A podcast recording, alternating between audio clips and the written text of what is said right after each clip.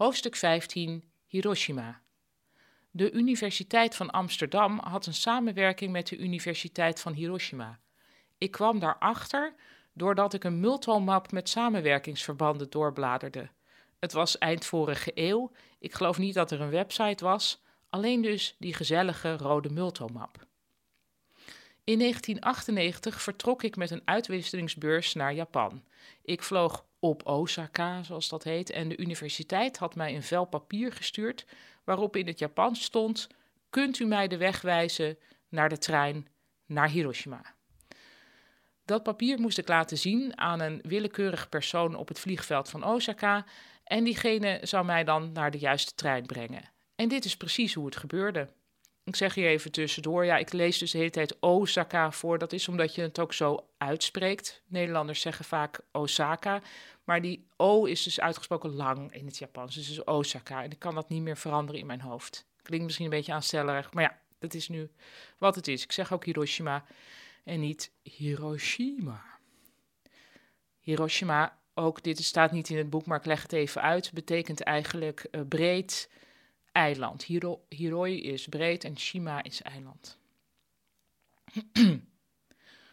Over de Universiteit van Hiroshima wist ik op dat moment niets. Ik had per post een folder ontvangen waarin mij vooral opviel dat er in houterig Engels stond vermeld dat de campus resplendent with verdure was, oftewel met veel groen. Nog steeds denk ik, als ik ergens veel struiken met grasvelden zie, resplendent with verdure.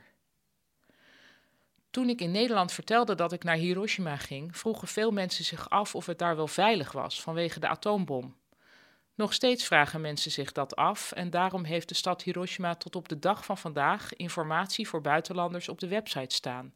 Ja, het is er veilig. De straling van de bom was eigenlijk heel snel weg. De gigantische schade werd in de eerste paar weken aangericht.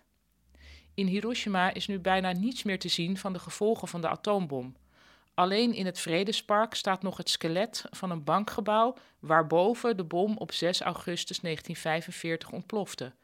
Dat deze ruïne er nog steeds staat, is voor Japanse begrippen ongelooflijk. Normaal wordt alles wat stuk is meteen weggehaald en vervangen door een nieuwe laag bebouwing. Overigens staat de Universiteit van Hiroshima niet in de stad Hiroshima zelf, maar in Saijo, een klein dorp een half uur verderop. Saijo was een uitgestrekt dorp zonder duidelijke kern. Pas in Japan ontdekte ik dit. In Europa zoek je in een dorp of stad altijd naar de kerk en dan kom je in het centrum. In Japan heb je zo'n duidelijk zichtbaar aanknopingspunt niet. Tempels staan eerder aan de rand van de bepaalde kom.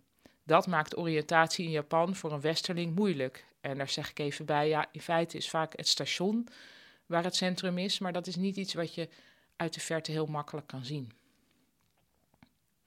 Saijo was een verzameling onduidelijke gebouwen met daartussenin rijstveldjes waar boeren op speelgoedachtige trekkertjes doorheen reden.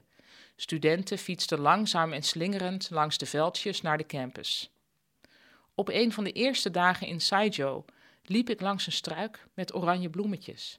En die struik rook exact, maar dan ook exact hetzelfde als het gummetje dat ik als kind had gehad. Het gummetje van Bobby en Kate met de geur waarvan ik altijd dacht dat die verzonnen was, een synthetische fantasie. En zo is het wel vaker in Japan. Wat op andere plekken nep lijkt, is daar echt.